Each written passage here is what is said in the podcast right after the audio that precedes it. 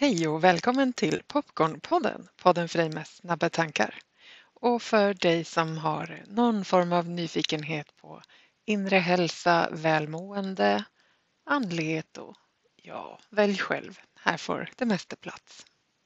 Mitt namn är Tove Eloa Öberg och det är jag som driver både Popcornpodden och Akka Meditation i Visby. I det här avsnittet så gör jag för första gången så att jag håller mig till ett planerat tema när jag spelar in själv. Har en känsla av att vilja dela några ord om energi och glädje som prio 1 och 2 och 3 och 4 här på jorden innan vi planerar någonting annat. Så häng med i ett avsnitt där vi snackar kalender och planering och kan man ju tänka, vad ska det här leda till? Är det verkligen meningsfullt? Jag tror, om du har någonting gemensamt med mig, och det har du förmodligen som människa på jorden, så har vi ju ganska mycket gemensamt, är min erfarenhet.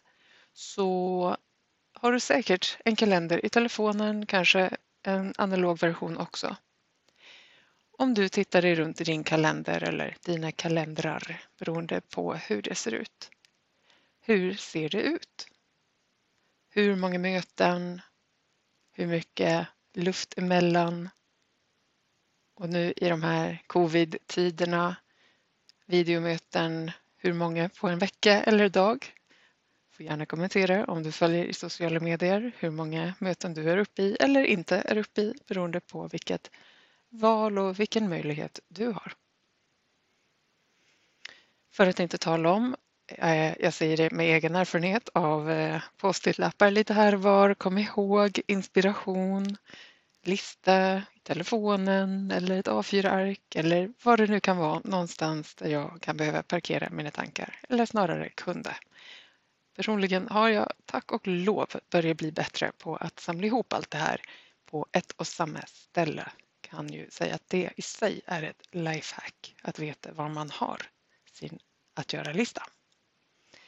Präktigt men så jäkla nice att ha koll på läget och inte fundera på vad har jag missat. Och sen var det ju det där med fritiden.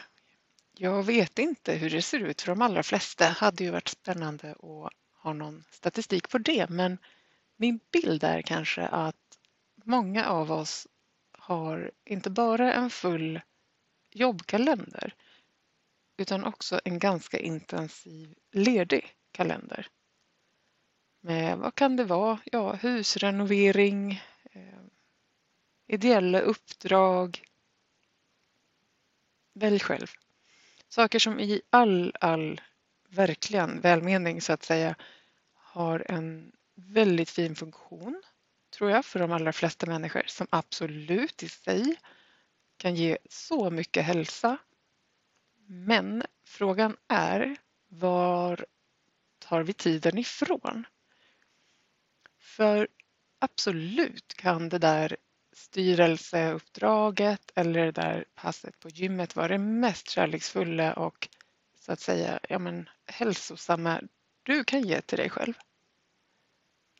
Samtidigt så är vi ju i en tid på jorden där väldigt många människor upplever depressioner och utmattning som ju såklart finns mycket, mycket att säga om och jag inte tänker utge mig för att vara någon expert på det, bakgrunderna till.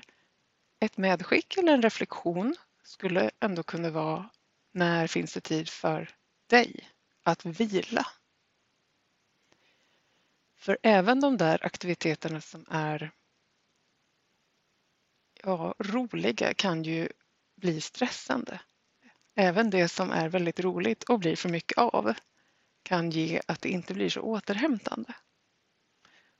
Ja, du får gärna ge din eh, reflektion på det här i ett mejl eller vad som passar dig bäst.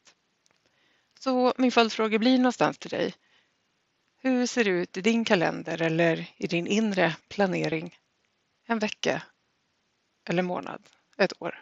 När och på vilket sätt får du tid? När skapar du tid till dig? Att fylla på med energi, glädje och återhämtning. Jag tror att väldigt många av oss är del av den norm som finns i min upplevelse i alla fall att vi först ska jobba och vara duktiga, prestera för att sen få ha ledigt och ha kul. Jag tycker att det finns en del utmaningar i det sättet att tänka. Dels så skulle man då kunna säga att jobb inte är kul. Det skulle ju vara möjligt faktiskt att det vi ägnar oss åt på dagarna får vara glädjefyllt, energifyllt, lustfyllt. Det är ju ett perspektiv på det. Men det finns också, eh, vad jag förstår, inom lyckoforskning och positiv psykologi, de som menar på att vi, om vi vänder på det, att vi börjar med att göra det roliga först, faktiskt också ett, mår bättre och två, blir mer effektiva och produktiva. Om vi så att säga vänder på den, den där idén om prestation följt av vila, lek. Om vi vänder på det kan vi alltså både må bättre och skapa med mer lätthet saker av värde för oss själva och andra. Dessutom såg jag ganska nyligen själv i ett sånt där inlägg som svepte förbi på Facebook eh, ett inlägg och en, eh, ett videoklipp som handlade om om man blir smartare av att vara glad. Där eh, Henrik Fexeus gästade Nyhetsmorgon.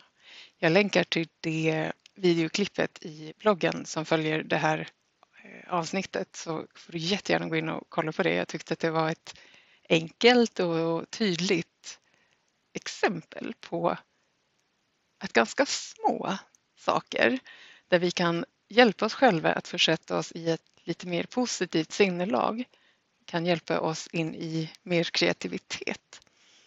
Ja, det tyckte jag var spännande och har själv provat så jag såg klippet och för mig gav det effekt så se om det kan ge någonting för dig också. Det finns mycket att säga på temat att ge energi och glädje först. Men för mig så är något av det viktigaste på det här temat också att börja med att se över och aktivt välja vad jag vill avstå i mitt liv. Vad är det jag inte så att säga vill skapa rum för? Det kan faktiskt vara ganska viktigt att få syn på det och att någonstans skapa en inre koll, en inre inriktning med vad vill du ha och vad vill du inte ha? Lever du utifrån idén om vad som ska vara för att det anses bättre? Är det din vilja eller är det en idé om hur det borde vara utifrån ett mönster som du har fått med dig hemifrån eller utifrån en samhällelig norm?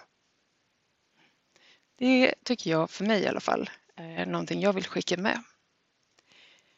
Och sen för mig som ju gillar att någon form liksom av veckoplansstruktur finns, planera in egen tid. Jag gillar att ha luft i min kalender till ingenting. Det vill säga bara hemma med mig och familj. Eh, absolut öppning för sociala äventyr eller diverse kreativitet och så vidare. Men beroende på vad jag får feeling för i stunden. Sen är också på temat att bjuda in energi och glädje, inte bara ett yttre jobb, tänker jag. Vi kan ju ha hur mycket ledig tid som helst och tycker vi inte att det är härligt att vara med oss själva så är ju det faktiskt inte ett skönt erbjudande att skapa mer rum för. Då kanske vi bara tänker dock aldrig, nej tack, jag har ingen lust att skapa mer tid till att vara med mig för det är ju inte så himla härligt sällskap. Skulle kunna hända, många kan relatera till det vågar jag säga. Och lösningen tror jag, i alla fall för mig, i det har varit att eh, meditera och att ta hjälp av antingen någon person som du har förtroende för eller att söka. Det finns mycket fint material på Insight Timer-appen eller Youtube. Välja liksom säkert mycket på Spotify. Jag vet inte riktigt vad som finns där. Meditationer som kanske kan handla om eh, Eh, kärleksfull vänlighet, självkärlek, acceptans. Det finns så många meditationer och eh, olika energi i de meditationer som finns så sök runt lite och eh, scrolla tills du hittar en röst och en stämning som du tycker funkar för dig, som du trivs att lyssna på och kan ta in och ta emot. Ja, så här går mina tankar på det här temat just nu. Några andra tips och tankar finns också i bloggen som kommer parallellt med det här avsnittet. Med det ska jag tacka för mig och jag hoppas att du ja, har det fint med dig själv. Och har du det inte fint med dig själv så hoppas jag att du unnar dig själv en stund av upptäcktsfärd kring vad du skulle kunna behöva för att mjukna lite i kontakten med dig. För det är du värd. Ta hand om dig och hör jättegärna av dig. Det är superhärligt och roligt med möte tillsammans med dig som lyssnar. Dela gärna poddavsnittet till någon du gillar och följ mig gärna på sociala medier på Popcornpodden. Ta hand om dig så hörs vi. Hej!